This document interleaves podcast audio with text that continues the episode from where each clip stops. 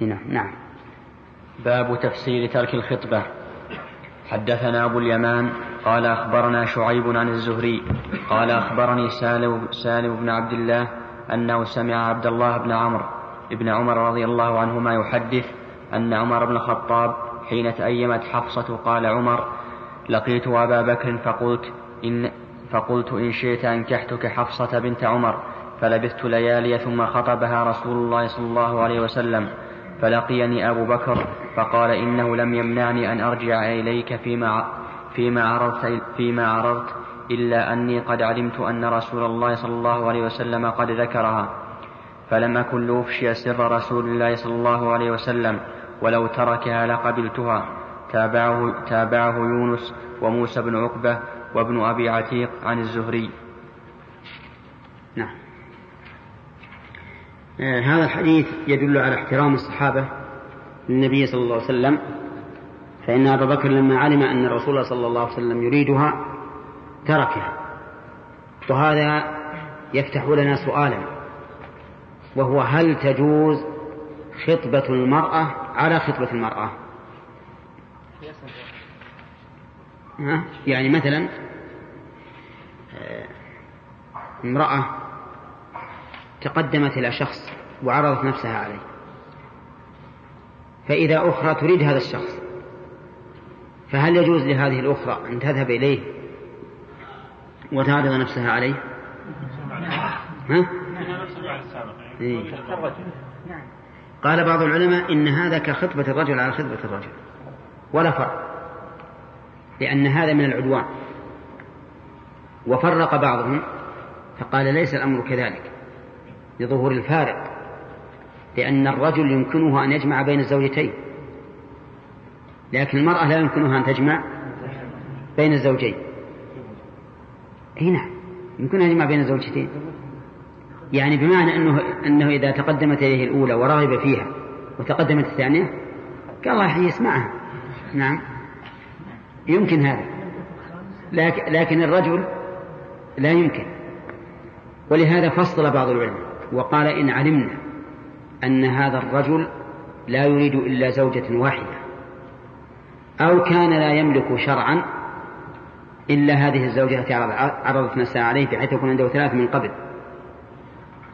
ففي هذه الحال لا يجوز أن تعرض نفسها لأنه الآن إن قبل الثانية ترك الأولى ولا لا؟ وإن قبل الأولى ترك الثانية. وأنا عندي أن المنع مطلقا أرجح لأنه وإن كان قد يتحمل اثنتين لكن قد تكون الثانية في نفسه يعني يميل إليها أكثر فيدع الأولى ولولا الثانية ليتزوج الأولى. فالقول بالمنع مطلقا أحسن القول بالمنع مطلقا أحسن. فصارت الآن عندنا الأقوال؟ ثلاثة المنع مطلقا والجواز مطلقا والتفصيل. هنا أهل الزوجة أو وليها ما ينبغي يعني أو ينبغي له أن إذا تقدم الخطاب أن يخبرهم بأنه تقدم قبلهم واحد. يعني إذا كانوا لا يعلمون أو إذا كانوا عالمين. إذا كانوا لا يعلمون. إذن. ما هو الظاهر يلزم بل إذا تقدم إلى الخطاب يختار من يرى أنه أنه أنه أفضل وأحسن هذا الرجل الأولاني قد الزوجة أو ما يعني تحقق القول. إيه. في اختياره. الظاهر أنه لا يلزمه إلا إذا كان أن الأول أحسن في نظره. مع أنه إذا كان الأول أحسن في نظره يمكن يرد يرد الباقي بدون أن يقول قد تقدم له فلان وفلان. نعم. هم؟ إيش؟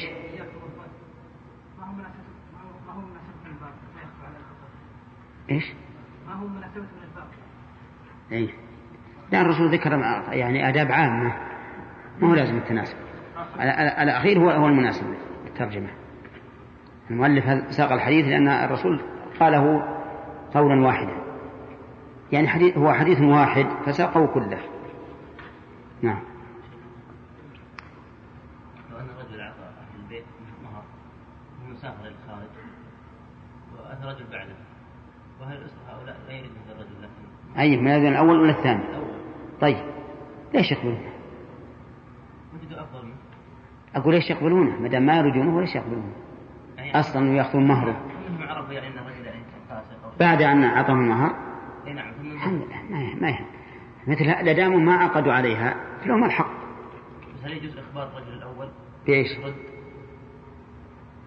إخبار الأول. إخبار الأول بأنه رد. أعطى الأول كلمة. خلاص. وأعطى المهر. ثم عقد طيب. ثم أتى رجل بعده ثم نعم. و- وزوجه طيب. هل يشترط أن يخبرون الأول؟ الأول ما درى أنه يعني له واحد بعده. وإذا جاء ولا زوجة ولا خطيبة متزوجة. أي نعم. ما يعني ما فهمنا إشكالك. يعني هل يشترط يعني يقول يعني يقولون له إذا نخبر الأول؟ لا لا أبدا هو شرط. يعني ما هو شرط إخبار الأول. ما دام أنه ما عقد الأول فلهم حق يتركون الخطبة وزوج غيره. أي معلوم يردون عليه اللي أخذه. لازم يردون عليه اللي أخذه. إي نعم. باب الخطبة. حدثنا قبيصة قال حدثنا سفيان عن زيد بن أسلم قال سمعت ابن عمر يقول جاء رجلان من المشرق فخطبا فقال النبي صلى الله عليه وسلم إن من البيان لسحرا. طيب. المؤلف رحمه الله ما أشار إلى الخطبة المعروفة خطبة ابن مسعود رضي الله عنه وكأنه ذكر أنه ينبغي أن تكون خطبة النكاح خطبة مؤثرة فيها موعظة لأهل الزوجة وللرجل أيضا حسب ما تقتضيه الحال. يعني لأن قوله آه، المؤلف إن من البيان لسحرا ما يدل على أنه ينبغي أن تكون هذه الخطبة بليغة. وأنه لا حرج أن يزيد الإنسان على ما جاء في حديث عبد الله بن مسعود رضي الله عنه. إن الحمد لله نحمده ونستعينه إلى آخره. وقوله إن من البيان من تبعيضية ولا بيانية؟ ها؟ هل المعنى إن بعض البيان سحر أو المعنى أن البيان منه شيء يسحر؟ ها؟ يعني يكون منه السحر. نعم. إذا قلنا بهذا صارت أعم. إن بيانية. ثم إن هذا المق... هذا الكلام هل سيق للذم أو لبيان الواقع؟ ثم ينظر. إن كان في البيان خير فهو خير وإن كان فيه شر فهو شر. الظاهر الثاني الظاهر الثاني لأن بعض الناس قد يتكلم بالكلمة ثم يصرف كل ما أراده الناس يصرف قلوبهم عما أرادوه كالساحر الذي يصرف المسحور عما أراد أليس كذلك؟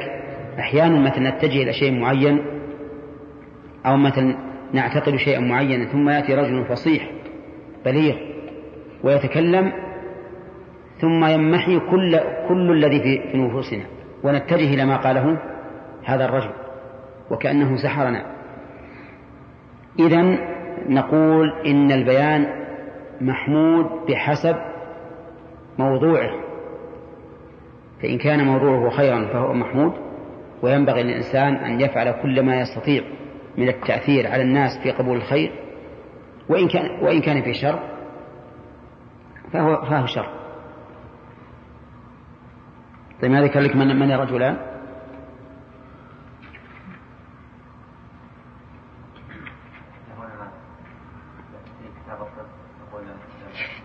لم أعرفهم.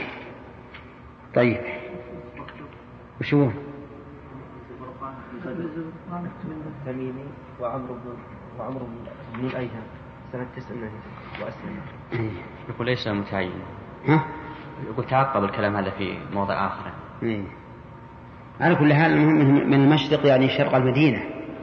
وهم من المشرق من خراسان ومن فارس من شرق المدينة. نعم. ما هو الظاهر؟ الظاهر أنها خطبة عامة. ولعلهما يتحدثان عن أقوامهما. إيراد معناه أنه, أنه ينبغي الخطبة فقط في النكاح.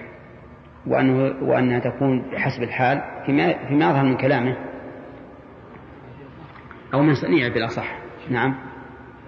شيخ تقدم رجلان لخطبة فتاة. واحدهم جيد في دينه والثاني وسط. والفتاة ميب يعني تلك القوة. فأيهما يزوج ولي الفتاة يعني؟ هذا الطيب إن زوجه يعني ربما يكون غاش له. غش لمن؟ غاش الطيب. لأنه بيعطيه فتاة وسط. هو تقدم له إلا إنسان قال خطبت بنتك إنسان هي امرأة طيبة وجيدة. لكن هو ما يدري يعني, أظن أحد يتقدم خطبة امرأة وهو ما يدري عنها.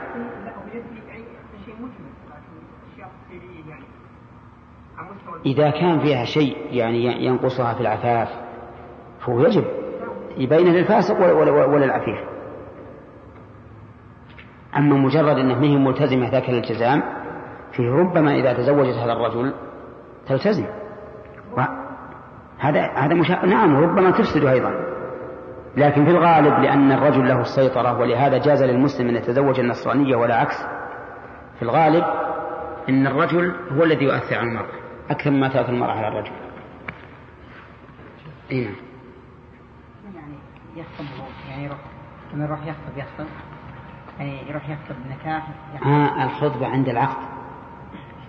عند العقد وله أن يخطب أيضا عند عند الخطبة. يعني, له أن يخطب عند الخطبة والمشروع الخطبة عند العقد وله أنه يروح لمهم يقول مثلا السلام عليكم ورحمة الله. جئتكم وأنا فلان ابن فلان. عندي شهادة عالية وعندي كذا وعندي كذا وعندي كذا. نعم. أخطب إليكم بنتكم. لا لا لا. خطبة بيان حال. بيان حال. ترى الناس هم يخطبون لكن بس ما هو خطبة يقوم يقوم واقف يتكلم لأن يجي لما يقول أنا أنا فلان أبو فلان. طيب وش أنت؟ وش مستواك؟ وش حالك؟ وش أهلك ويعلمه وأحيانا هو قبل قبل يعني يقول أنا فلان فلان عندي كذا وعندي كذا وأنا شهادتي كذا ويبين كل شيء. ترى هذا نوع من الخطبة. نعم الخطبة يعني من الموعظة في الزفاف يحصل الآن في بعض الزفافات الخطبة بالموعظة خاصة أن يكون بعض الناس لا والله ما أرى هذا. ما أرى هذا إلا إذا كان لها سبب. مثل أن يسمع منكرا ويقوم يتكلم ويعظ. وأما أن جعلها مثل راتبة كل ما اجتمع الناس في العرس ذهبنا نعظهم فهذا خلاف السنة لا شك. ولهذا ما ما عهدنا أن الرسول وعظ في في حفل الزواجات أبدا. بل كان يقول أرسلوا من يغني نقول ان الرسول صلى الله عليه وسلم كان في احد الصحابه وهؤلاء يكون لا أنت شفت شيء؟ شفت مثل مثل ناس يشربوا الدخان أو سمعت أصوات منكرة؟ هذا قم واخطب تكلم. هذا لها سبب. أما الناس ماشيين على على على ما هم عليه بدون منكر فلا أرى هذا. ولا هي ولا هي في هذه محلات المواعظ. وهذه نظير ما يفعل بعض الناس الآن عند الدفن. يقوم يتكلم ويعظ. هذا أيضا ما هو صحيح. كم خرج رسول مع جنازة والصحابة ما كانوا يفعلون. غاية ما هنالك أنه مرة من المرات خرجوا في جنازة رجل من الأنصار وصلوا إلى المقبرة وإذا القبر ما لحد ما تم. فجلسوا وجلس النبي عليه الصلاة والسلام هو وأصحابه حولهم حول الصحابة وجعل ينكت بمصدر ماء الأرض ويحدثهم عن حال الإنسان عند الاحتضار وعند الدفن. فإذا وقع مثل هذا مثلا وصلنا إلى القبر وما بعد انتهى وجلس مثلا أحد وقلنا نتكلم كلام مو خطبة يقوم الواحد واقف يرفع صوته كأنه في على منبر جمعة. هذا لا بأس به. فالتقيد بالسنة هو الخير. التقيد بالسنة هو الخير أبدا. نعم. ها؟ يلا. باب ضرب الدف في النكاح والولي طيب شوف كلام ابن حجر على الترجمة هذه؟ طيب خلينا نشوف الكلام يقول قول باب الخطبة بضم أوله عند العقد. ذكر فيه حديث عمر جاء رجلان من المشرق فخطب فقال النبي صلى الله عليه وسلم سحرا وفي رواية الكشميهني سحرا بغير, بغير لام. وهو طرف من حديث سيأتي بتمام في الطب مع شرحه. قال ابن التين أدخل هذا الحديث في كتاب النكاح وليس هو موضعه. قال والبيان نوعان. الأول ما يبين ما يبين به المراد والثاني تحسين اللفظ حتى يستميل قلوب السامعين والثاني هو الذي يشبه بالسحر. والمذموم منه ما يقصد به الباطل وشبهه بالسحر لأن السحر صرف الشيء عن حقيقته. قلت فمن هذا تؤخذ تؤخذ المناسبة. قلت فمن هنا تؤخذ المناسبة ويعرف أنه ذكره في موضعه. وكأنه أشار إلى أن الخطبة وإن كانت مشروعة في النكاح فينبغي أن تكون مقتصدة ولا يكون فيها ما يقتضي صرف الحق إلى الباطل بتحسين الكلام. والعرب تطلق لفظ السحر على الصرف تقول ما سحرك عن كذا أي ما صرفك عنه. وأخرجه أبو داود من حديث صخر بن عبد الله ابن بريدة عن أبيه عن جده رفعه إن من البيان سحرا. قال فقال صعصعة ابن صوحان صدق رسول الله, صلى الله عليه وسلم الرجل يكون عليه الحق. وهو ألحن بالحجة من صاحب الحق فيسحر الناس ببيانه فيذهب بالحق. وقال المهلب وجه إدخال هذه هذا الحديث في هذه الترجمة أن الخطبة في النكاح إنما شرعت للخاطب ليسهل, أم ليسهل أمره فشبه حسن التوصل إلى الحاجة بحسن الكلام فيها باستنزال المرغوب إليه بالبيان بالسحر. وإنما كان كذلك لأن النفوس طبعت على الأنفة من ذكر من ذكر الموليات في أمر النكاح. إيش؟ من ذكر؟ المولي الموليات. المغريات؟ لا الموليات وكذا إيش؟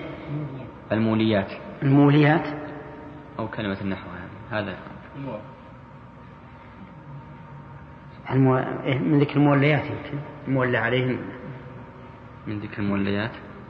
يمكن ما أدري. ها؟ نعم. لأن النفوس طبعت على الأنف من ذكر الموليات في أمر النكاح فكان حسن التوصل لرفع تلك الأنف وجها من وجوه السحر الذي يصف الشيء إلى غيره ورد في تفسير خطبة, خطبة النكاح أحاديث, أحاديث من أشهرها ما أخرجه أصحاب السنن وصححه أبو عوانة وابن حبان عن ابن مسعود مرفوعا إن الحمد لله نحمده ونستعينه ونستغفره. الحديث قال الترمذي حسن رواه الأعمش عن أبي إسحاق عن أبي الأحوص عن, ابن مسعود وقال شعبة عن أبي إسحاق عن أبي عبيدة عن, عن أبيه قال فكلا الحديثين صحيح لأن إسرائيل رواه عن أبي إسحاق فجمعهما قال وقد قال أهل العلم إن النكاح جائز بغير خطبة وهو قول سفيان الثوري وغيره من أهل العلم وغيره من أهل العلم وقد شرطه في النكاح بعض أهل الظاهر وهو شاذ. صح. صحيح لا شك أنه ما حاجة للخطبة في النكاح يعني لو اجتمع الولي والزوج وشاهدان وقال زوجتك بنتي فقال قبلت. بس. صح العقد. هنا تقول أحمد؟ الكلمة في الزواج أو المقام. نعم. أقول يعني مثل هذه من مسائل أمور الدعوة التي ورد فيها الأمر يعني مطلقا. نعم. هل يشترط مثلا أن يرد في هذا نص بعينه؟ لا إذا علمنا أن الرسول ما يفعل هذا في هذه الأماكن وأن وأن مثلا النكاح يعني زمان فرح وسرور وإعطاء النفس بعض حريتها في فيما أبيح لها من اللهو كون نحول هذا إلى مدرسة وموعظة في النفس منها شيء. لكن إذا إذا إذا حدث سبب سبب مثلا وجدنا منكر رأيناه فلا بأس الإنسان يجعل هذا سبب لأنه الناس أولا في الغفلة الشديدة ثانيا ما تخلو ما تخلو الآن أي زمان إلا من منكرات سواء من حق اللحى أو إسبال الثياب أو حتى الغيبة والكلام في الناس. على كل حال إذا رأيت شيء غيبة أو مثل أحد بيجادل في حلق لحية أو إرخاء ثوب فله سبب. أما نجعلها مواضع عامة للمواعظ والله في نفسي من هذا الشيء.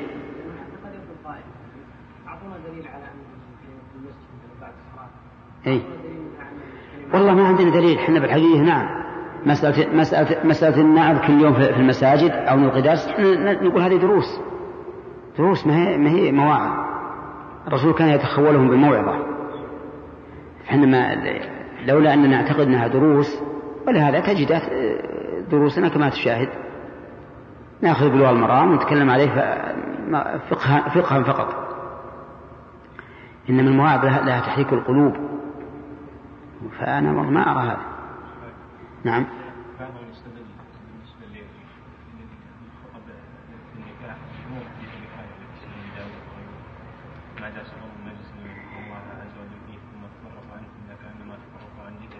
نعم. يحصل فيها عن ذكر الله عز وجل.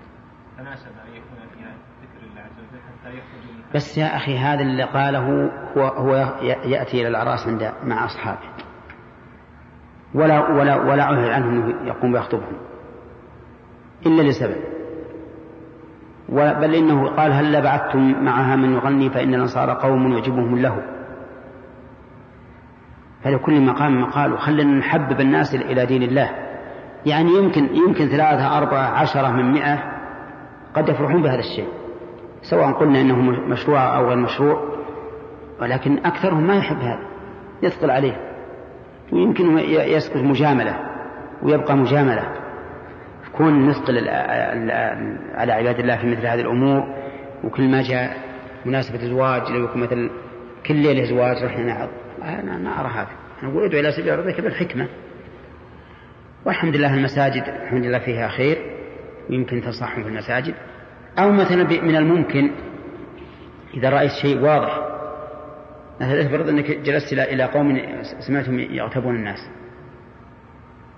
فقمت وقلت يا جماعة أنا سمعت إخوانا هنا يغتابون الناس وهذا الأمر لا يجوز وتكلمت على هذا. نعم نعم. إيش؟ وش وش أم أما إيش؟ أما نفور الناس. نعم. فهو حاصل. رايناه كثيرا يعني حتى حضرت الواجب هنا في عنيزه فكان يحصل فيها شقاق. قام بعض الناس منها قال في كل مكان تعرفون وخرج من المكان. مجموعة كبيرة يعني. لكن في طريقة أخرى وجدناها يعني مناسبة وهو عادة يجلس الناس يتكلمون كل أربعة أو خمسة. إذا وجد رجل يعني عنده فشل إلقاء أو جاب قصة أو شيء يجد الناس يلتفون حوله قليلا قليلا فإذا يكبر المكان وتصبح طبيعية جدا. فكأن أنه ما يحد ما يقرب إلا الراغب وغير الراغب ما صادق في الأمور إيه، لا بس. هذا حديث هذا يقرأ حديث. فرق بين الواحد بيقوم يعظ وبين واحد بيحدث اللي جنبه لما سمعوه بدا يرفع صوته حتى يسمع كل الحلقة مثلا. هذا شيء ثاني. هذا شيء ثاني. ويكون مثل ما ذكرنا في مسألة جلوس الرسول عليه الصلاة والسلام في المقبرة وجلسوا حوله وقام يتكلم بهذا الشيء. فأنا أنا أرى فرق بين هذا وهذا. ها؟ إلى هذه تعليقات ما هي بأسئلة إيش يا آدم؟ مجالس ما يكون مكان الطرقات مكان الطرقات؟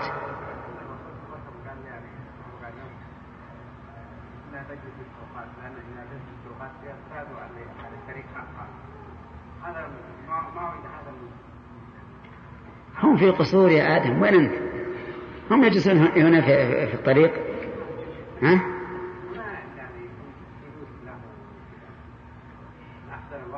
والله ما أما عندنا ما أظنهم يجلسون في الطرقات. هم يجلسون في الطرقات؟ بالقصور يمكن محلات أخرى يمكن كان في بلاد ثانية يكون البيت ضيق ويطلعون برا. يمكن ها؟ اي هذا. اي ويصير ضيق ويطلعون نعم. كان هو سؤال الأسئلة مقفولة؟ ها.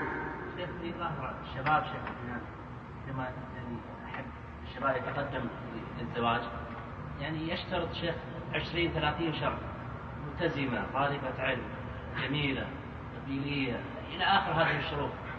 فيتعب هو ويتعب الذين معه. ثم تجده بعد فترة يتنازع عن كل هذه الشروط ويقول بس أريد امرأة. فليس يعني الاعتدال هذا أحسن يا شيخ.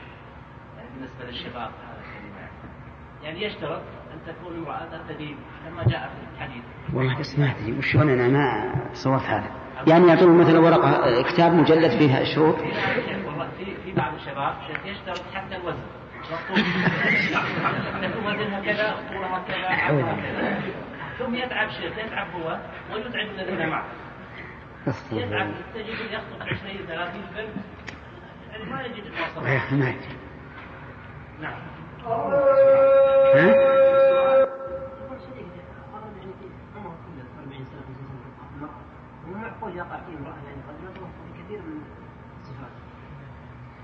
إيه لكن يشترطون كل الشروط هذه 20 شرط وش وزنه وش طوله وقصه يجد ها؟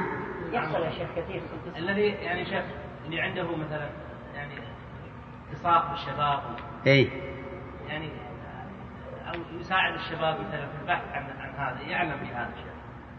يعلم بأن ساعات شيخ ما في 20 30 شهر ساعه أنا أحد الإخوان اتصل بي من أيام. إي نعم. يعني أحد الإخوان من من الطلبة خاطب الشرقية. إي. يقول أعطاني شروط. أنا تعجبت. قلت أنا تريد ملكه جمال بس مسلمة. ملتزمه يعني شروط الوزن الطول العرض طالبة علم في المستوى كذا في الجامعة في كذا عيونها كذا. مشكلة. لا ما أنا عندي هذا مو هو أحسن. ما دام الحمد لله أن الشارع مبيح لك إنك تنظر ومهما وصف لك لن تدرك الأمر على حقيقته. ثم الصفة أيضا يعني قد يستملح الإنسان ما لا يستملحه غيره. ما ما تضبط ابدا.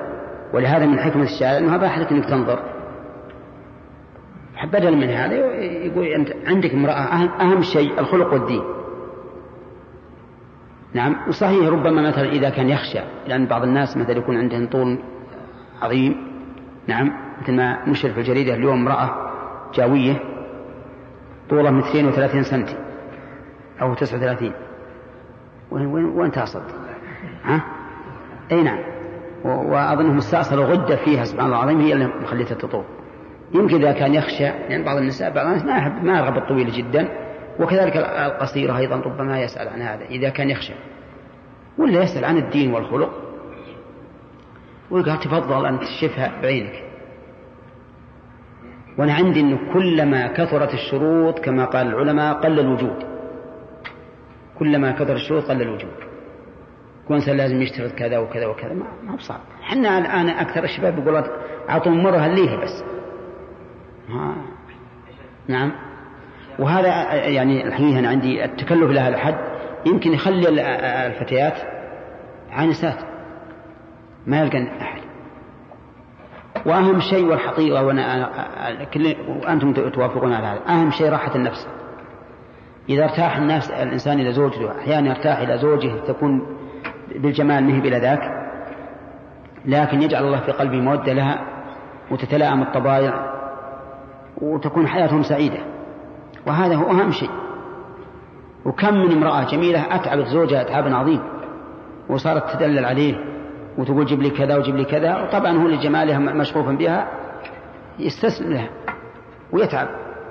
وكم من إنسان عنده زوجة أقر الله عينه بها واستراح ربنا هب لنا من أزواجنا وذرياتنا قرة أعين.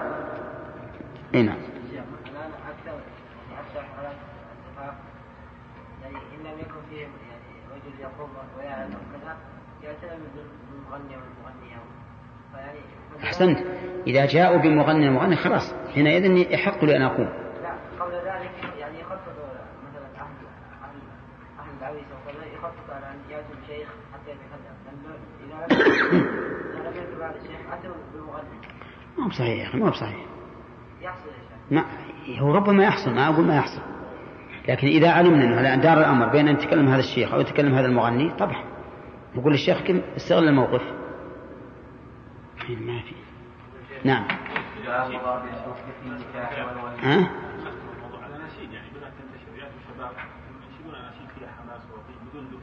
طيب. هذا بيجينا الحين. اسمع اسمع اسمع الترجمة. اسمع يا أخي. النكاح والوليمة حدثنا مسدد قال حدثنا بشر بن المفضل قال حدثنا خالد بن ذكوان قال قالت الربيع بنت معوذ بن عفراء جاء النبي صلى الله عليه وسلم يدخل حين بني علي. فجلس على فراشي كمجلسك مني فجعلت جوير فجعلت جويريات جويري جويريات لنا يضربن بالدف ويندبن من قتل من آباء يوم بدر إذ قالت إحداهن وفينا نبي وفينا نبي يعلم ما في غد فقال دعي, ها دعي هذه وقولي بالذي كنت تقولين. الله أكبر. هذا فيه دليل على جواز ضرب الدف في النكاح. ولكن هل هو مباح أو سنة؟ فقال بعض أهل العلم إنه مباح لأنه مستثنى من اللهو والأصل في اللهو والمعازف التحريم فيكون مباحا فقط. وقال بعض العلماء إنه سنة لما فيه من إدخال الفرح على النفوس والانطلاق بعض الشيء وهو في أمر خفيف التحريم لأن الدف هو الذي ليس فيه حلق ولا صنوج.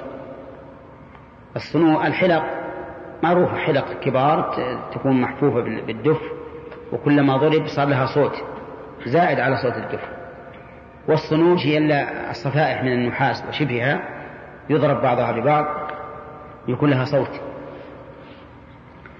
و فقالوا إذا كان ليس له حلق ولا صنوج فإنه جائز.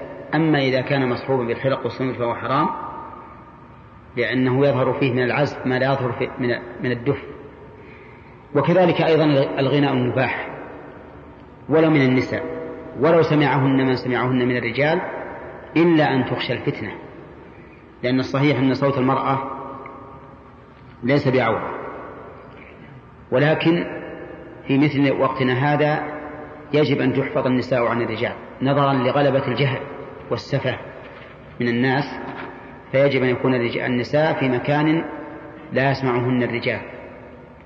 لأنكم تشاهدون الناس اليوم ليسوا على المستوى الذي ينبغي أن يكون أكثرهم فلهذا من أحسن ما يكون أن يجعل أن يجعل النساء في مكان خاص بهن وأن لا يكون هناك مكبرات صوت فأما ما يفعله بعض الناس والعياذ بالله الذين يأتون بالمغنيات المارجات الفاسقات يغنين ويجعلون مكبرات الصوت فهذا لا شك في تحريمه. ولا شك أنه من مقابلة نعمة الله بكفرها والعياذ بالله. فإن الذي أنعم عليكم بالزواج كيف تبارزونه بالمعصية؟ وهل هذا إلا سفة؟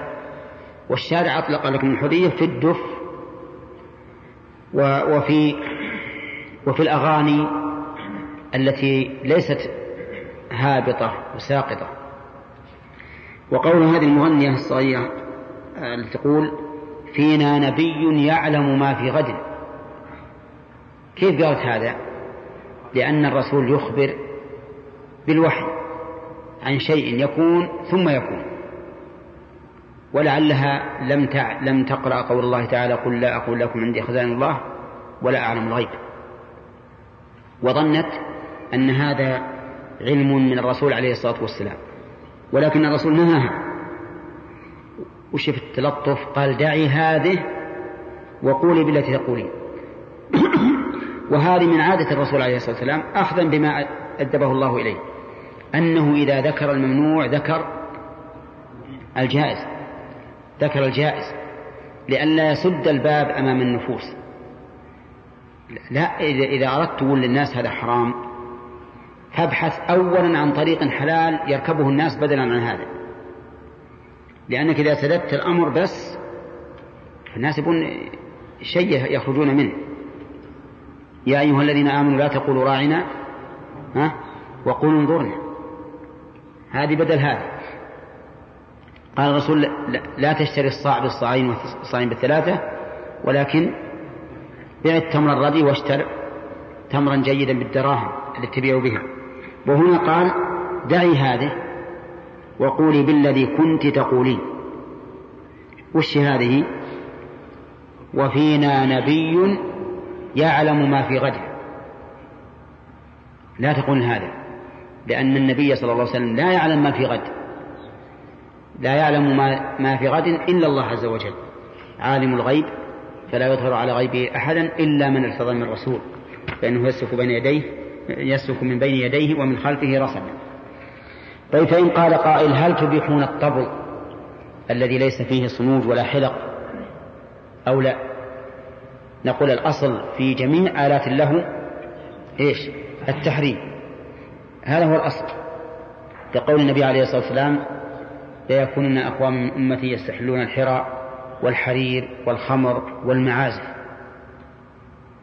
فكل المعازف الأصل فيها التحريم إلا ما ورد الدليل بحله والدليل ورد بحل الدف. والمعروف أن الدف يكون من جانب واحد. يعني الخشب هذا المدور إن ختم من الجانبين فهو طبع. وإن ختم من جانب واحد فهو دف. هذا هو المعروف. فنقول بدل من أن تجعل طبلا يكون من الجانبين اجعل دفا لأن الأصل المنع. ولم يرد الرخصة إلا بالدف. والدف يغني عن الطبل لأن المقصود إعطاء النفس شيئا من الحرية فيها في هذا اللهو. فأي شيء يحصل به المقصود فهو كافي أما أن تجعل هذه الطبول الرنانة التي لها أصوات فهذا لا لا لا, لا يشمله النص وإنما يشمل الدف فقط. طيب وهنا قال يندبن من قتل من آباء يوم بدر. يندبن من قتل. وش معنى الند؟ ذكر تعداد أو تعداد محاسن الميت. وهذا لا بأس به أحيانا. وأما أن يجعل ديدنا للإنسان فإنه لا يجوز لأنه يهيج الأحزان لكن أحيانا لا بأس به. و وفي قوله إذ قالت إحداهن دليل على أن النساء هؤلاء مجموعة ما هي واحدة ولا ثنتين لأن إحداهن الضمير ضمير جمع. وكذلك هنا جويريات يدل على أنهن صغار ولسن كبارا فيرخص للصغار ما لا يرخص للكبار ولهذا حتى في في الذكور قد نرخص لهم من اللهو ما لا نرخص للكبار. كما نص على هذا شيخ الإسلام ابن تيمية لأن الصغير لا بد أن يعطى حرية في اللعب. إذ أنه ما عنده جد. كله صغير خلوا يلعب. ولهذا لو شوف واحد مثلا منا يركض ومصلع نعم في وسط السوق تسمح له؟ ها؟ لكن لو يجي طفل ما يخالف تلقى الطفل يركض ويطامر نعم ولا ولا ولا نقول شيء. فالأطفال ينبغي أن يرخص لهم من من من اللعب ما لا يرخص للكبار لأن هذا هو مقتضى عقولهم. وهذا الحسن أو الحسين جاء إلى الرسول عليه الصلاة والسلام وهو ساجد. نعم. يصلي بالجماعة وركب عليه. لكن لو يجي مثل واحد كبير يركب الرسول وهو ساجد ما يرخص. فلكل مقام مقام. نعم. المؤلف ما ذكر الوليمة؟ ها؟ ما ذكره ذكر في الباب اللي بعده؟ لكن الباب هذا ما ذكره. نعم.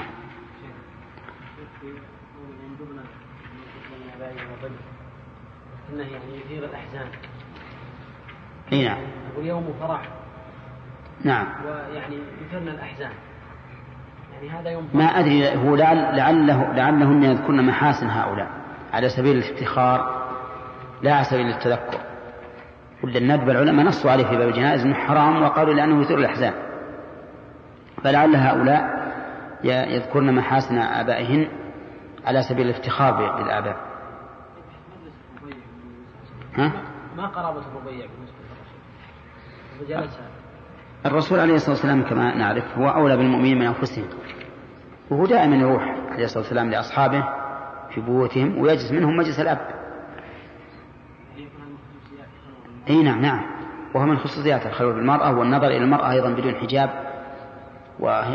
وهبة المرأة نفسها له. ما عندك شيء على كلام يندبنا من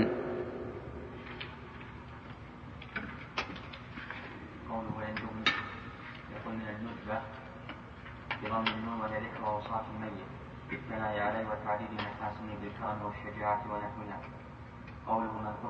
آباء يوم بدر تقدم بيان ذلك في المغازي وأن الذي قتل من آبائها إنما قتل بأحد إيش؟ إنما؟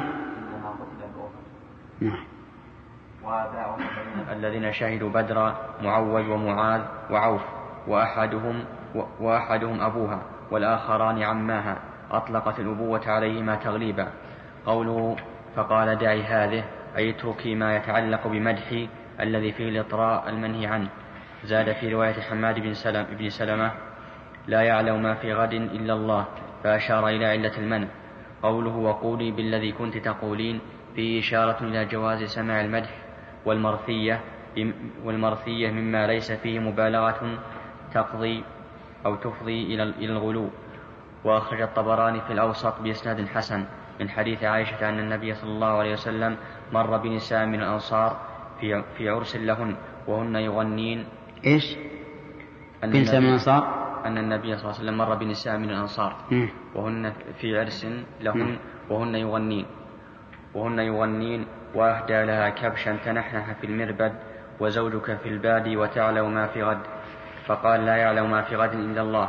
قال مهلب في هذا الحديث إعلان النكاح بالدف وبالغناء المباح وفيه إقبال الإمام إلى العرس وإن كان فيه لهو ما لم يخرج عن حد المباح. وفيه جواز مدح وفيه جواز مدح الرجل مدح الرجل ب في وجهه ما لم يخرج إلى ما ليس فيه. وأغرب ابن التين فقال إنما نهاها لأن مدحه حق والمطلوب في النكاح اللهو فلما أدخلت الجدة في اللهو منعها. كذا قال وتمام الخبر الذي أشرت إليه يرد عليه. وسياق القصة يرد عليه. يرد عليه. نعم. يرد عليه. وسياق القصة يشعر بأنهما لو استمرتا على المراثي لم ينههما. وغالب وغالب حسن المراثي وغالب حسن المراثي جد لا جد لا له وإنما أنكر عليها وإنما أنكر عليها ما ذكر من من الإطراء حيث أطلق علم حيث أطلق علم الغيب له وهو صفة تختص بال- بالله تعالى كما قال تعالى. واصل. نعم. طيب؟ الوليمة في الباب الذي بعده. نعم.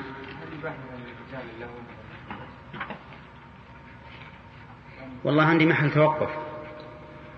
أقول محل توقف. قد يقال إنه يباح بجامع المقام مقام فرح وأن كونه لم يقع في عهد الرسول عليه الصلاة والسلام إلا من النساء لأن هذه العادة عنده.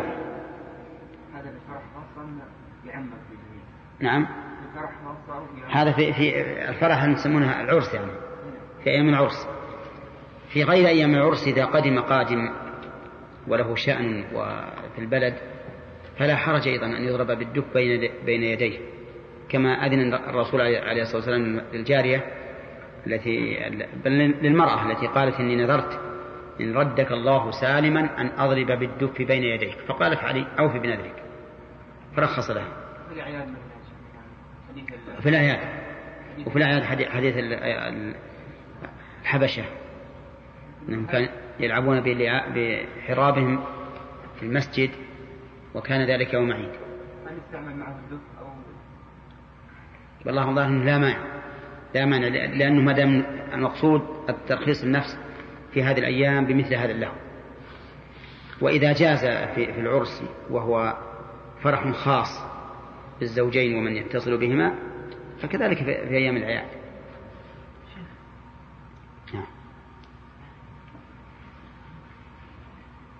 باب قول الله تعالى وآتوا النساء صدقاتهن نحلة وكثرة المهر وأدنى ما يجوز من الصداق وقوله تعالى وآتيتم إحداهن قنطارا فلا تأخذوا منه شيئا وقول الله عز وقول الله جل ذكره أو تفرضوا لهن فريضة وقال سهل قال النبي صلى الله عليه وسلم ولو خاتما من حديد نعم كل هذه الآيات التي ساقها المؤلف تدل على أن المهر لمن؟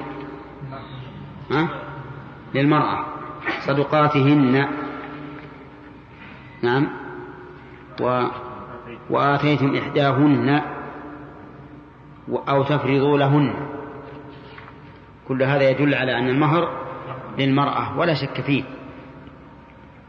ولأنه عوض عن استمتاع تبذله هي للزوج فكان لها. كما يطلب الاستمتاع منها فعوضه يكون لها. وقول المؤلف وكثرة المهر وأدنى ما يجوز من الصداق.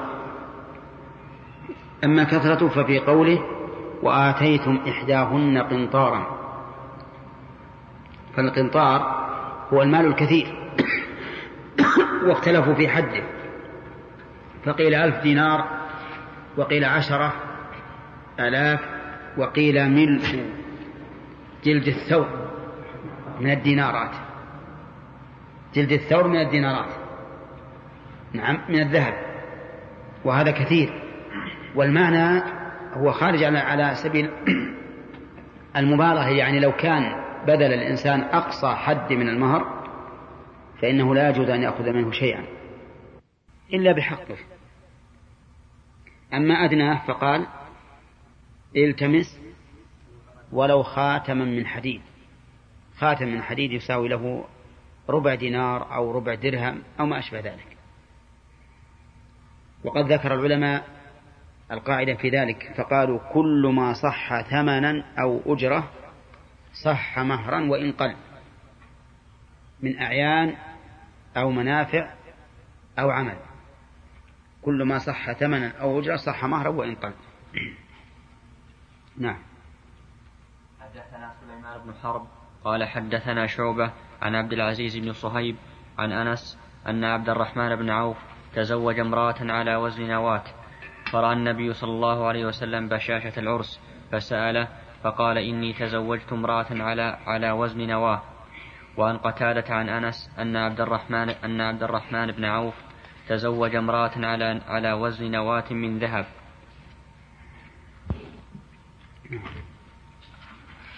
باب التزويج على القرآن وبغير صداق.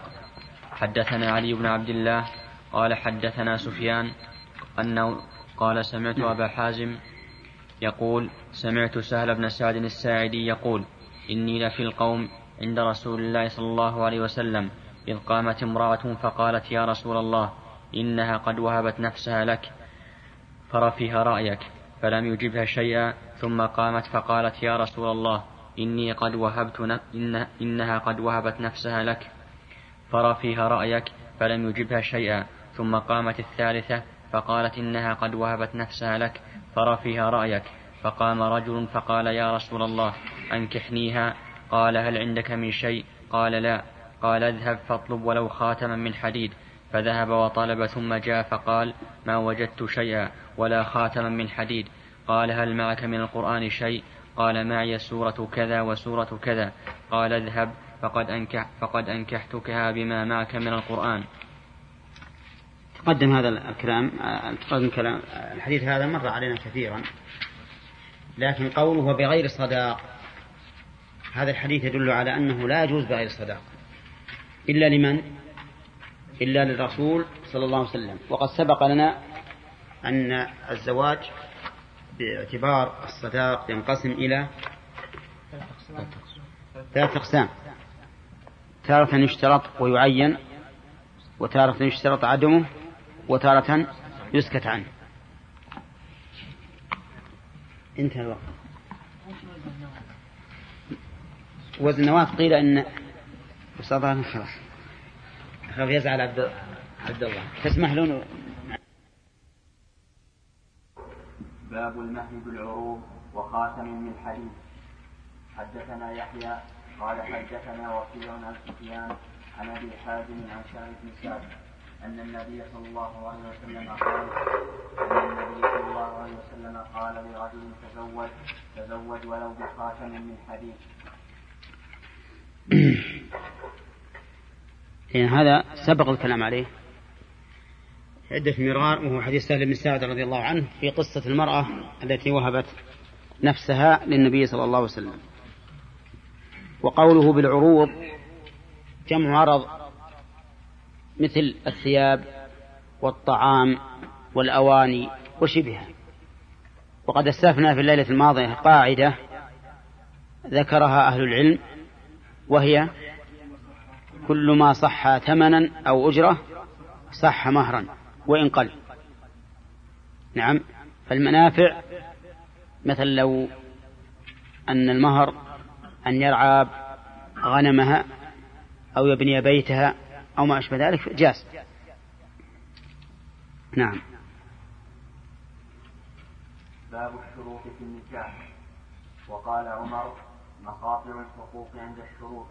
وقال مسور بن مخرمة سمعت رسول الله صلى الله عليه وسلم ذكر صهرا له فأثنى عليه في مصاهرته فأحسن قال حدثني فصدق ووعدني فوفى لي حدثنا أبو الوليد هشام هشام بن عبد الملك قال حدثنا الليث عن يزيد بن أبي الحبيب عن أبي الخير عن عقبة عن النبي صلى الله عليه وسلم قال أحق ما أوقيتم من الشروط أن توفوا به ما استحللتم به الفروج. اللهم صل وسلم عليه. الشروط في النكاح غير الشروط غير شروط النكاح. ويختلفان فيما يأتي. أولا شروط النكاح من وضع الشارع. والشروط في النكاح من وضع العاقل ثانيا شروط النكاح ثابتة شرطت أم لم تشترط. والشروط في النكاح لا تثبت إلا بشرط. الفرق الثالث شروط النكاح شرط لصحة العقد والشروط في النكاح شرط للزوم العقد بمعنى أن النكاح يصح وإن لم يوفى بها لكنه لا يلزم إلا بالوفاء بها. وهذه الفروق الثلاثة تأتي على كل ما كان نحو ذلك. مثل أن نقول شروط البيع والشروط في البيع. في أيضا فرق رابع شروط البيع يحرم العقد بدونها والشروط في البيع لا يحرم العقد بدونها ولكن يجب الوفاء بها. نعم. نعم. كيف الزيادة؟ ها؟ لا ما دام قلنا من وضع العاقد اكفي عنه. طيب الشروط في النكاح ذكر العلماء أنها تنقسم إلى أقسام. منها ما يبطل العقد ومنها ما يصح معه العقد ويحرم الوفاء به ومنها ما يصح معه العقد ويجب الوفاء به. فالشروط الصحيحة يصح معها العقد ويجب الوفاء بها والشروط غير الصحيحة منها ما يفسد العقد ومنها ما لا يفسد العقد. فمثلا إذا شرطت زيادة في مهرها أو شرط هو نقصا في المهر فهذا الشرط جائز.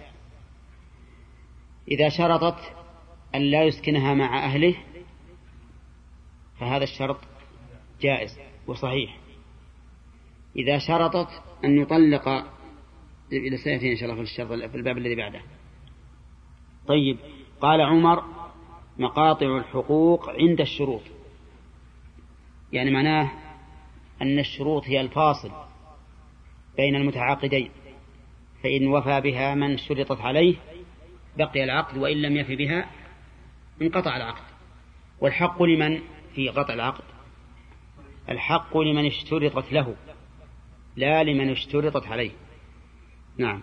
وهنا يقول الرسول عليه الصلاة والسلام يقول المسور سمعت النبي صلى الله عليه وسلم ذكر صهرا له فأثنى عليه في مصاهرته فأحسن قال حدثني فصدقني ووعدني فوفاني. ويعني بذلك زوج ابنته زينب فإنه حدثه فصدقه ووعده فوفى به فوفى له عليه الصلاة والسلام. وقال هذا النبي صلى الله عليه وسلم حين ذكر له أن علي بن أبي طالب يريد أن يتزوج بنت أبي جهل ولعلها تأتينا في البخاري إن شاء الله تعالى القصة. فإنه عليه الصلاة والسلام تأثر من هذا. وقال والله لا تجتمع بنت عدو الله وبنت رسول الله تحت رجل واحد. وقال إن فاطمة بضعة مني يريبها ما رابني. وأثنى على صهر الآخر. آه، فقال فيه حدثني فصدقني ووعدني فوفاني طيب وهل المعتبر في, في الشروط صلب العقد أو ما اتفق عليه قبله؟ يقال المعتبر صلب العقد وما اتفق عليه قبله وإن لم يذكر عند العقد. فإذا اتفق عند عند الخطبة أو عند الخطبة إذا اتفق عند الخطبة على شيء ولم يذكراه عند العقد فهو لازم. فهو لازم لأن أصل العقد مبني على الخطبة. وإن ذكر في العقد فهو أحسن وأولى حتى لا يحصل التناكر فيما بعد. نعم. ثم هل الوفاء بالشروط في النكاح واجب؟ أو ليس بواجب. الصحيح أنه واجب. وقال بعض أهل العلم إنه سنة. قالوا لأنه إذا لم يف به من شرط عليه فللآخر الفسخ. ولكن تمكينه من الفسخ لا يسقط الواجب في الواقع.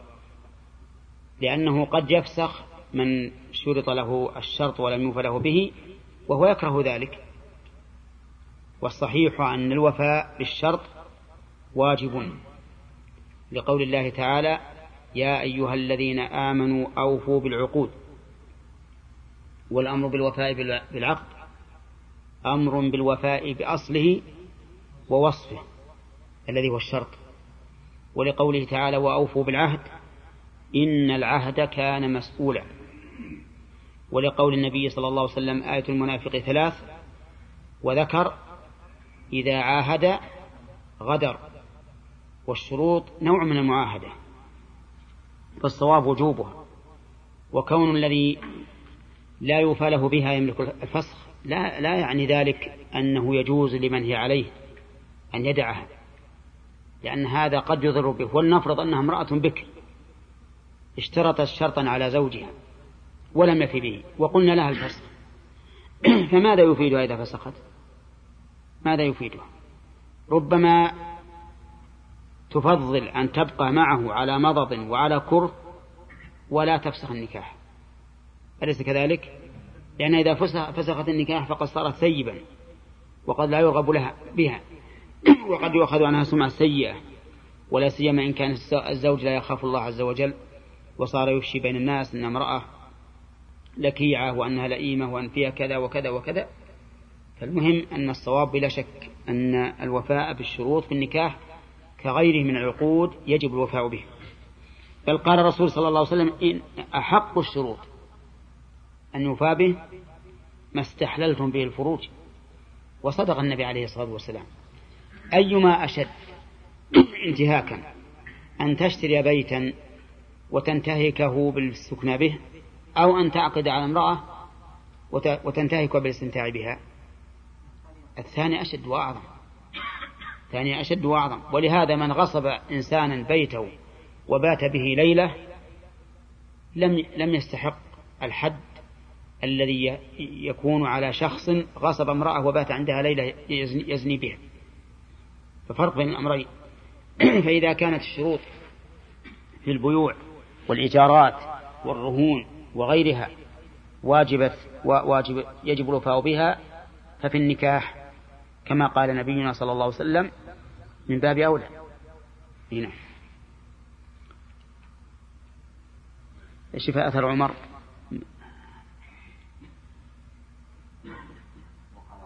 نعم. قوله وقال عمر مقاطع الحقوق عند الشروط وصله سيد بن منصور من طريق إسماعيل بن عبد الرحمن وهو ازواج المهاجر على ها؟ نعم من طريق اسماعيل بن عبد الله وهو ازواج المهاجر عن عبد الرحمن بن غنم قال كنت مع عمر. بن غنم. سكون النون قال كنت. عن عبد الرحمن بن غنم قال كنت مع مع عمر حين حين حيث تمس ركبتي ركبته فجاءه رجل فقال يا أمير المؤمنين تزوجت هذه وشرفت لها دارها واني أجمعوا. وإني أجمع لأمري أو لشأني. أن أنتقل إلى أرض كذا وكذا. فقال لها شرطها. فقال الرجل هلك الرجال؟ هلك الرجال إذ إذا إذ يطلقنا ولا إيش؟ إيش؟ إذ لا تشاء. إذ لا تشاء امرأة أن تطلق زوجها إلا طلقت. فقال عمر المؤمنون على شروطهم عند مخاطر حقوقهم وتقدم في الشروط من وجه آخر عن ابن أبي المهاجر نحوه. نحوه. وقال في آخره فقال عمر إن الحقوق عند الشروط ولها ما اشترطت. نعم. هذا يفيد أنه إذا خالف الشرط فلها فلها الفسخ وقول المعترض لا تشاء امرأة أن تطلق زوجها إلا فعلت وقال هو الذي جعل الأمر بيدها هو الذي شرط لها هذا الشرط. أي نعم. نعم. باب الشروط التي لا تحل في النكاح. وقال ابن مسعود لا تشترط المرأة طلاق أختها. حدثنا عبيد الله بن موسى عن زكريا وابن أبي زائدة عن سعد بن عن سعد بن إبراهيم. عن أبي سلمة عن أبي هريرة رضي الله عنه عن النبي صلى الله عليه وسلم قال لا يحل لامرأة تسأل طلاق أختها لتستفرغ صحفتها فإنما لها ما قدر لها. نعم. الشروط التي لا تحل هي التي يكون فيها عدوان على الغير أو مخالفة لمقتضى العقد أو ما أشبه ذلك. والأصل في الشروط الحل كما أن الأصل في العقود الحل إلا ما قام الدليل على تحريمه. فمن ذلك إذا شرطت المرأة طلاق أختها. يعني إنسان بيتزوج امرأة وقالت بشرط أن تطلق المرأة اللي معك. فهذا حرام ولا يصح. الشرط لا يصح. ليش؟ أولا لنهي النبي صلى الله عليه وسلم عن ذلك والحكمة من هذا أن فيه عدوانا على الغير. وقول الرسول عليه الصلاة والسلام لتستفرغ صحفتها اللام هنا ليست للتعليل ولكنها للعاقبة لأنه لا يحل أن تشترط طلاق أختها سواء كان قصدها أن لا تشاركها في الطعام أو كان قصدها شيء آخر. طيب إذا شرطت أن لا يتزوج عليها فالشرط صحيح والفرق بينهما بينما إذا شرط طلاق المرأة التي معه أو أن لا يتزوج ظاهر. لأنها إذا شرطت الطلاق الذي معه فهو عدوان عليها. لكن إذا شرطت أن لا يتزوج فهو حقه وقد إيش؟ أسقطه. يعني لم تعتدي على أحد. وإلى الآن ما تزوج. والحق له أن يتزوج فإذا أسقطه بشرطه لها فله ذلك. فإن تزوج فهو حرام عليه. لا يجوز لأنه شرط أن لا يتزوج. فإذا قال أنا بتزوج ولها أن تفسخ. قلنا هذا لا يجوز. لأنها ربما تفسخ وهي كارهة. نعم. لكن كيف يتخلص الإنسان إذا أراد أن يتزوج؟ مثل أن تكون هذه المرأة لم تعفه. وله شغف في النساء. فماذا يصنع؟ نقول يسترضيها. يسترضيها حتى تسقط الشرط فإن أبت وكان رغبته في الجديدة أكثر من رغبته في القديمة فله باب آخر وهو الطلاق ويستريح منها. طيب فإن خيره قال إما أن تسقط الشرط وإما أن نطلقك ها؟ فصحيح؟ نعم لأن له أن يطلقها بدون بدون هذا. نعم. الغريب أن المذهب رحمهم الله أصحابنا قالوا إنه يجوز للمرأة أن تشترط طلاق ضرتها وهذا لا شك أنه خطأ. وأن الصواب أنه لا يجوز أن تشترط طلاق ضرتها طيب. لو اشترطت أن يقسم لها يومين وللأولى يوما. ها؟ يجوز؟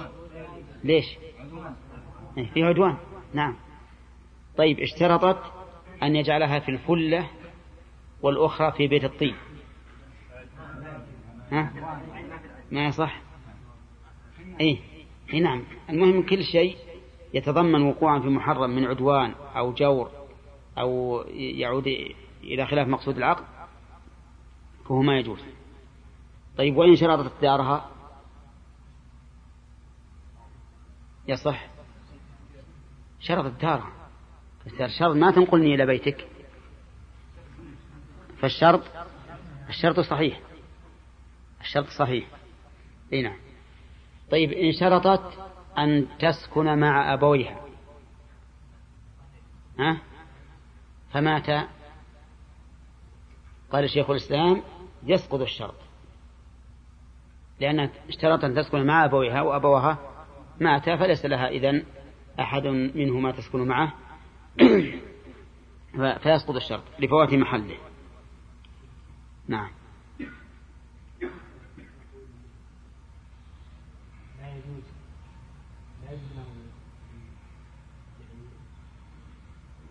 يوفي بشرطها ويقول لك الفسخ لأن بذلك إضرار يلحق بها ونقول يجوز أن يخيرها بين الطلاق وبين التنازل إيه. معلوم يعني هذه أيضا ترضى كارهة هو لو طلع لو لو ما خيرها لو أن الرجل مثلا عازم على أن يتزوج هذه المرأة الجديدة وعرف أن هذه مهم مسقط حقه وطلقها ما حد يمنعه. أصلا. يعني هذا خيرها بين شيء يملكه وهو الطلاق. نعم. أبدا لا إثم عليه لأن الإنسان ربما تتغير فكرته. افرض أنه وقعت عينه على امرأة وعجز أن يصبر عنها أو ذكرت له وعجز أن يصبر عنها أو ما أشبه ذلك.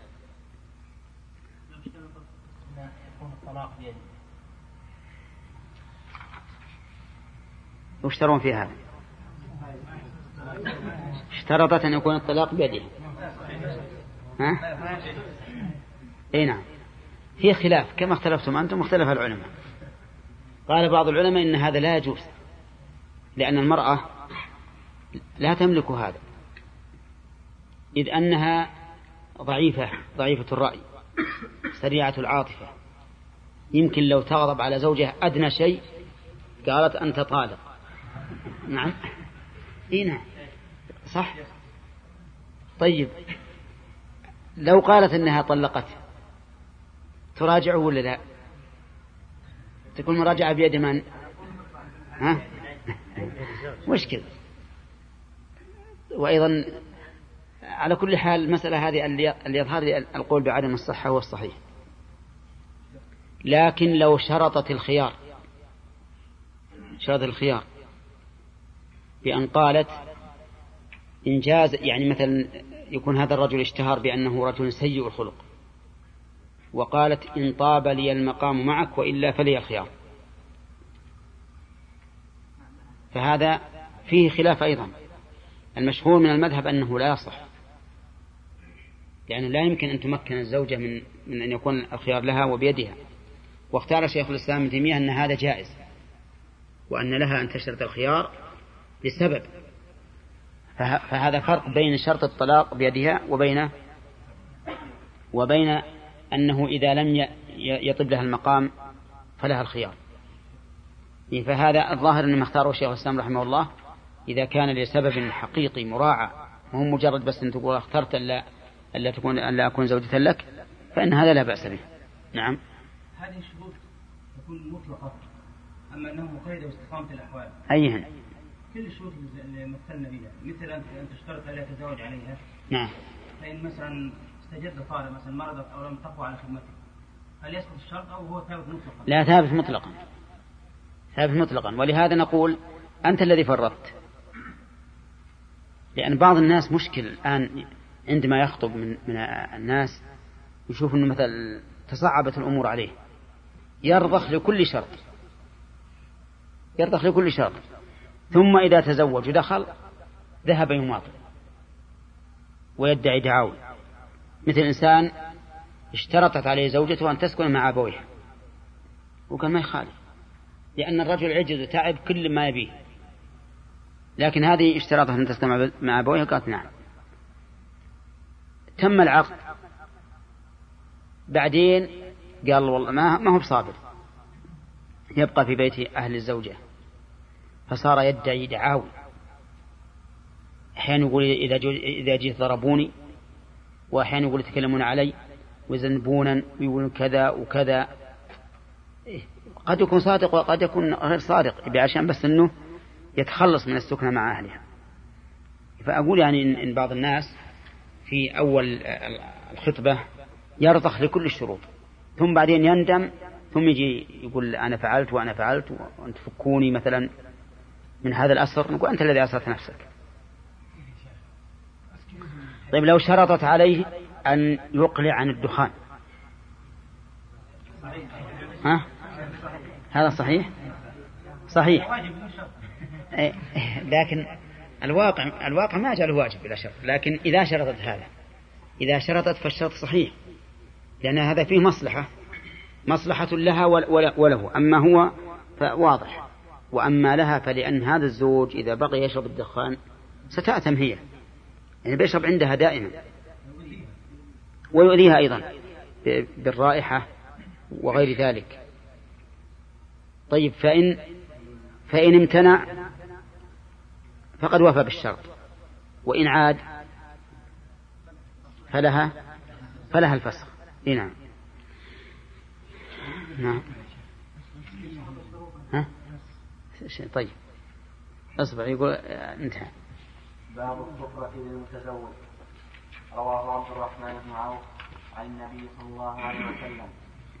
حدثنا عبد الله بن يوسف قال أخبرنا مالك عن حميد بن الطويل عن أنس بن مالك رضي الله عنه أن عبد الرحمن بن عوف جاء إلى رسول الله صلى الله عليه وسلم وبه أثر الصفرة فسأله رسول الله صلى الله عليه وسلم فأخبره فأخبره أنه تزوج امرأة من الأنصار قال كم سقت إليها؟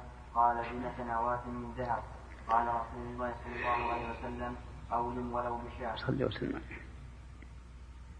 الصفرة معناه أن الإنسان يتطيب بالزعفران وشبهه أو بأطياب لها لون. المهم أنه يجوز للمتزوج أن يتزوج بالأطياب الخاصة بالعروس ولا حرج عليه في ذلك بدليل أن الرسول عليه الصلاة والسلام لما رأى على عبد الرحمن بن عوف أثر الصفرة سأله كأن هذا أمر ليس معتادا عند الناس إلا إذا كان إثر الزواج. وقوله وزن نواة من ذهب يسأل بعض الطلبة وش النواة من الذهب؟ ها؟ ها؟ أي النواة قيل إنها نواة التمر. وقيل إن النواة معيار للذهب يوزن به.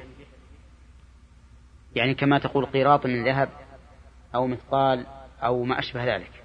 نعم.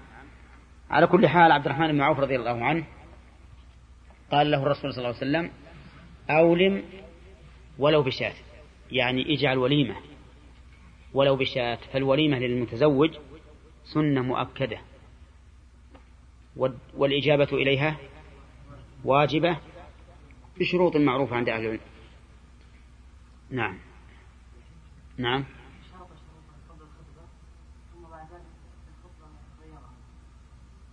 ما في معنى لا هو ما اتفق عليه من قبل كما قلنا. إذا اتفق على الشروط من قبل فكالمشروط في العقد. نعم. ها؟ إيش؟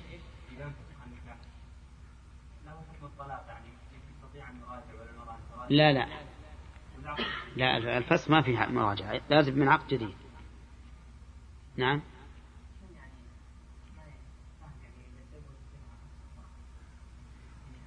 تعرف الزعفران؟ إيه يتطيبون به. جرت عادتهم أن الإنسان يتطيب به. هم يجعل في شعره أو ربما يجعل في يديه مثلا يفرك كنسة بالصفرة وربما يكون في الرداء. نعم. نعم. باب حدثنا مسدد قال حدثنا يحيى عن حميد عن أنس قال عن أنس قال اولم النبي صلى الله عليه وسلم بزينب فأوسع المسلمين خيرا فخرج كما يصنع إذا تزوج فأتى حجر أمهات المؤمنين يدعو ويدعون له. ثم انصرف فرأى رجلين فرجع لا أدري أخبرته أو أخبر بخروجهما. هذا الحديث مختصر والمؤلف رحمه الله قال باب ولم يذكر ترجمة.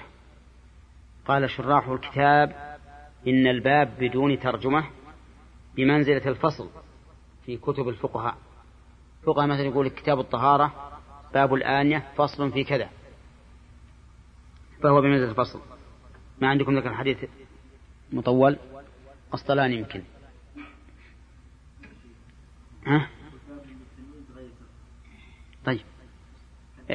حديث حديثي حديث مختصر المؤلف حدثنا مسدد وابن وابن سرهد بن مصاب الاسدي ابو الحسن البصري الحافظ قال حدثنا يحيى بن سعيد القطان عن حمد بن طويل عن انس انه قال اولم النبي صلى الله عليه وسلم المزين بنت جحش فارسل على المسلمين خيرا بتحكية ساكنة بعد المعجمة المفتوحة.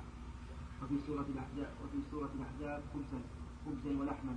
فخرج عليه الصلاة والسلام والقوم جالسون يتحدثون بعد أن أكلوا كما كان يصنع إذا تزوج. فأتى حج فأتى حجر أمهات المؤمنين حجرا. حجر أمهات المؤمنين يدعو لهن ويدعون له. وسقط لفظه وسقط لفظ له بغير أبي ذر. ثم انصرف من الحجر فرأى رجلين ممن حضر الوليمة قد تأخرا فرجع عن بيته فلما رأى فلما رأى النبي صلى الله عليه وسلم خرج مسرعين قال أنس لا أدري أخبرته أو أخبر بخروجهما الحديث ساقه هنا مختصر. مختصرا وسبق بأطول منه منه بالأحداث ولم تظهر المناسبة بين الترجمة والحديث. وأجاب الحافظ ابن حجر بأنه لم يقع في قصة تزويج زينب ذكر الكفر فك- فكأنه يقول الصفرة للمتزوج من الجائز لا من الشروط لكل متزوج. وأجاب العين بأن المطابقة من حيث الأمر بالوليمة في السابق. وفي هذا وفي ذكرهما وفي هذا وفي هذا ذكرها في قوله أولم كذا قال أولم أولم نعم وفي هذا ذك- ذكرها في قوله أولم كذا قال فلتأمل إي نعم. المناسبة الآن قلنا أن الباب بلا ترجمة بالنسبة للباب الذي قبله. ها؟ كالفصل. فما المناسبة؟ آه، ابن حجر ذكر أن المناسبة أنه لما ذكر السفر المتزوج وهنا ليس فيه أن الرسول عليه الصلاة والسلام آه، استعمل هذا دل على أن ذلك ليس بالأمر اللازم. وأما العيني فقال إن المناسبة أنه هنا ذكر الإيلام. وفي حديث عبد الرحمن عوف قال أولم ولو بشاة. فدل هذا على أن الوليمة تكون من الشاة وتكون من الخبز واللحم وغير ذلك. قوله يدعو ويدعون الواو شعرابة ها؟ الثاني يدعون. الواو أو الواو اللي قبل النون. الواو اللي قبل النون أصلية. لأنها نون النسوة هذه. النون نون النسوة. بينما القارئ يظن أنها واو الجماعة. هنا ها؟ الوليمة عند الزواج. كما جاءت العادة إما عند إما عند الدخول. كان بالأول عندنا. تكون الوليمة إذا انتقل الزوج بزوجته من أهلها. يعني بعد يومين أو ثلاثة والآن صارت الوليمة تكون ليلة الدخول. وسط القصور هذه صار يجعلون ليلة الدخول. نعم. بعد شهرين بعد ثلاث شهور لا ليلة الدخول. واحد إلا إذا كان مثل آدم ما أولم وهم طالبوا بالوليمة هذا كلها حتى الآن. كأنك تريد هذا. خلاص. الله يعينك. أولم ولو بشات نعم. ها؟ الرجلين كان رضي الله عنهما بقيا بعد أن تفرق الناس. الله عز وجل نهى أن يبقى الناس بعد إذا طعمتم فانتشروا. فهذان الرجلان بقيا في بيت الرسول عليه الصلاة والسلام بعد أن خرج وأعلم الناس بأنه تزوج. فلما رأى النبي عليه الصلاة والسلام عند رجوعهم آه، خرج. يعني استحيا وخرج نعم.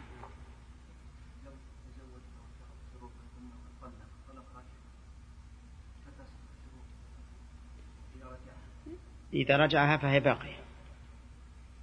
باقية. ها؟ لا. إذا تجدد العقد سقطت الشروط التي في العقد الأول. وإن رجعها فهي على شروطها في العقد الأول. قبل ما لا بأس إذا أسقطتها لا مانع.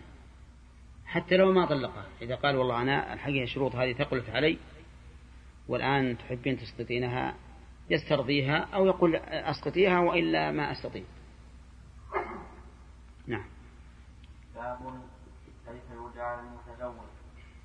حدثنا سليمان بن حرب قال حدثنا حماد وابن زيد عن ثابت عن أنس عن أنس رضي الله عنه أن النبي صلى الله عليه وسلم رأى على عبد الرحمن بن عوف أثر صفره فقال ما هذا؟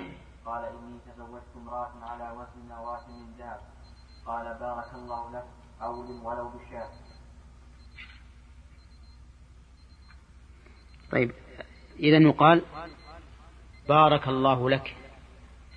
وفيه أيضا بارك الله لكما وعليكما وجمع بينكما في خير. وهذه خير من مما كانوا يقولون بالجاهلية. يقولون إذا رفعوا الإنسان بالرفاء بالرفاء والبنين. هذه جاهلية. وإن كان بعض الناس اليوم يستعذبها ويستملحها ويقول بالرفاء والبنين. وهي لولا أنها كلمة أبطلها الإسلام كلمة جاهلية أبطلها الإسلام لقلنا الأمر فيها سهل. لكن ما دامت كلمة جاهلية أبطلها الإسلام فإنه لا يليق بنا بعد أن هدانا الله تعالى لهذا الدين الإسلامي أن نعود إلى إلى ترفية الجاهلية. بل نقول كما قال النبي عليه الصلاة والسلام بارك الله لكما وعليكما وجمع بينكما في خير. هنا.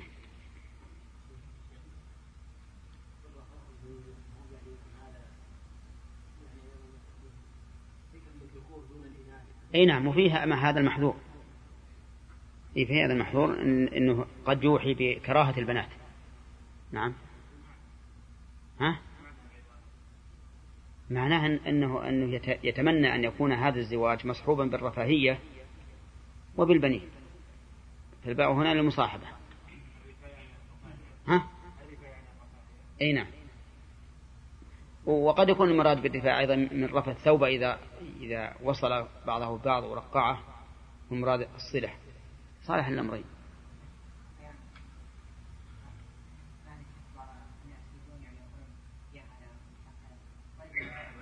للمتزوج. يعني اللي بغى يسلم يقول هلا؟ لا هو المفروض يقول السلام عليكم. لا نرد عليه لأن هذه تحية وقد قال الله تعالى إذا حيينا بتحية فحيوا بأحسن منها أو ردوها لا هذا وغيره لكن ننصحه ونقول سلم قبل. وهذا يعني لكن هذا السنة.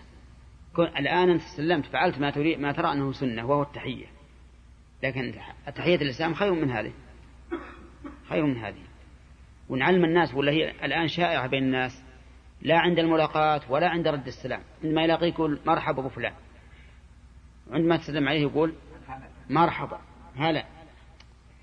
طيب بدل من هذا يقول عليكم السلام. وقل بعد, بعد ذلك مرحبا. مثل ما كان الرسل عليهم الصلاة والسلام لما كان الرسول يسلم عليهم ليلة المعراج يردون السلام ويقول مرحبا بالنبي الصالح وبالأخ الصالح وإبراهيم قال بالابن الصالح وآدم. هنا ها؟ ولا ظاهر الآية الكريمة أنه يجب أن يرد. يجب أن يرد لكن ينصح يعلم. لأن المشكلة الآن لما شاعت بين الناس أصبح الناس لا يفرقون بينها وبين السلام عليكم ورحمة الله بل ربما يرون هذا أحسن على رأيهم يعني. فلذلك ينبغي لنا نحن طلبة العلم أنه إذا قال أهلا ومرحبا نكرر. بعض الناس إذا سلمت عليه بالتلفون مثلا السلام عليكم قال أهلا ومرحبا. السلام عليكم. أهلا ومرحبا. السلام عليكم.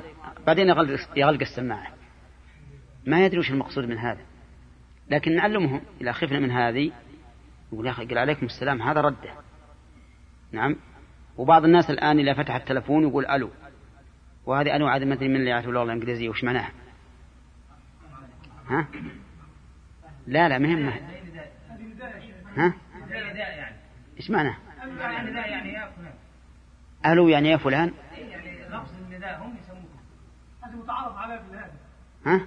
متعارف عليه في هذا قالوا يعني نداء يعني أنا سامعك أو بكلمك. ما أدري. بمعنى نعم يعني؟ إيه في حدود كده في حدود نعم. ها؟ يقول من المتكلم؟ والله ما أنا ما أدري أنا ما أعرف اللغة الإنجليزية لكن ما أنا بتصورها ترجمتها العين هو لفظ لبداية الكلام يعني ليس بس ما هي تحية هي؟ لا لا.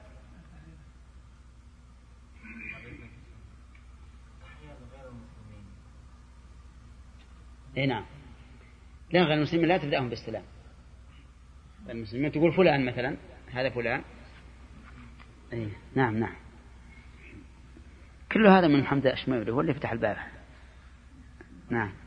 باب الدعاء للنسوة اللاتي يحيين العروس وللعروس حدثنا فروة حدثنا فروة بن ابن أبي المغوار قال حدثنا علي بن مسلم. طيب باب الدعاء للنساء اللاتي عندكم بالفتح؟ هي فيها نسختان لكن الظاهر يهدينا أحسن. ها؟ يجوز الفتح؟ إيه عندنا نسختين. لكن الظاهر يهدينا أحسن. لأن يهدينا معناها يد- يدللنا. ويهدين العروس يعني يقدمنها إلى زوجها. نعم. حدثنا فروة بن أبي المغراء قال حدثنا علي بن مسلم عن هشام عن أبيه عن عائشة رضي الله عنها تزوجني النبي صلى الله عليه وسلم فاتتني أمي فأدخل في الدار فإذا نسوة من الأنصار في البيت وقلنا على الخير والبركة وعلى خير طائر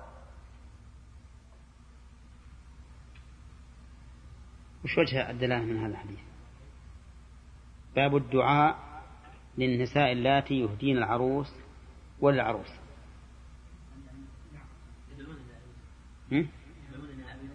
طيب. هم دعوا لعائشة لكن يقول للنساء اللاتي يهدين الع- العروس. ما عندك شيء لها؟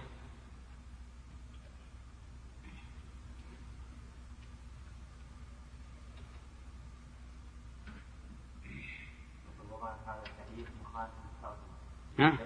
وظاهر هذا الحديث مخالف للترجمة فإن في دعاء النسوة لمن أهدى العروس لا الدعاء لهن وقد استشكله مسكين فإن فإن؟ فإن فيه دعاء النسوة لا الدعاء لهن لمن أهدى؟ العروس لا الدعاء لهن؟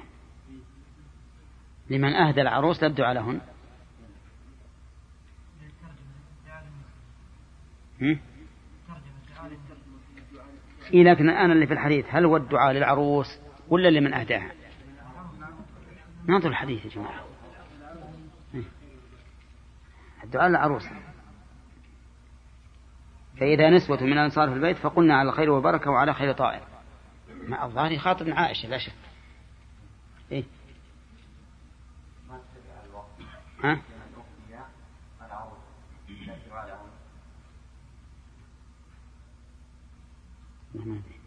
وعندك سلب العسقلان ها؟ ما بشينا أبد طيب عاد عاد عاد يفهمنا ها؟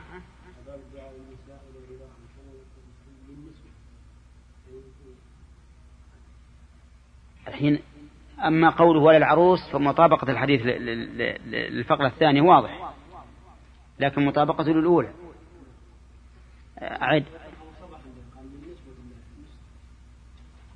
ها؟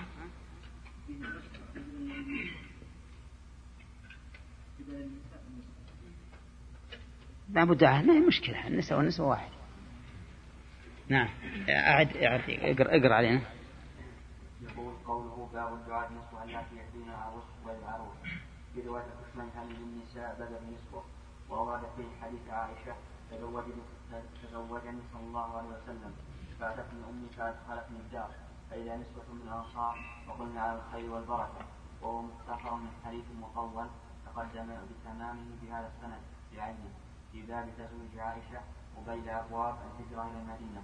وظاهر هذا الحديث مخالف للترجمة فإن فيه الدعاء فإن فيه دعاء النسوة لمن أهدى العروس لا الدعاء لهن وقد استشكله ابن فقال لم يذكر في باب الدعاء للنسوة. هذا فإن فيه الدعاء لمن أهدي؟ يعني للعروس. الله الله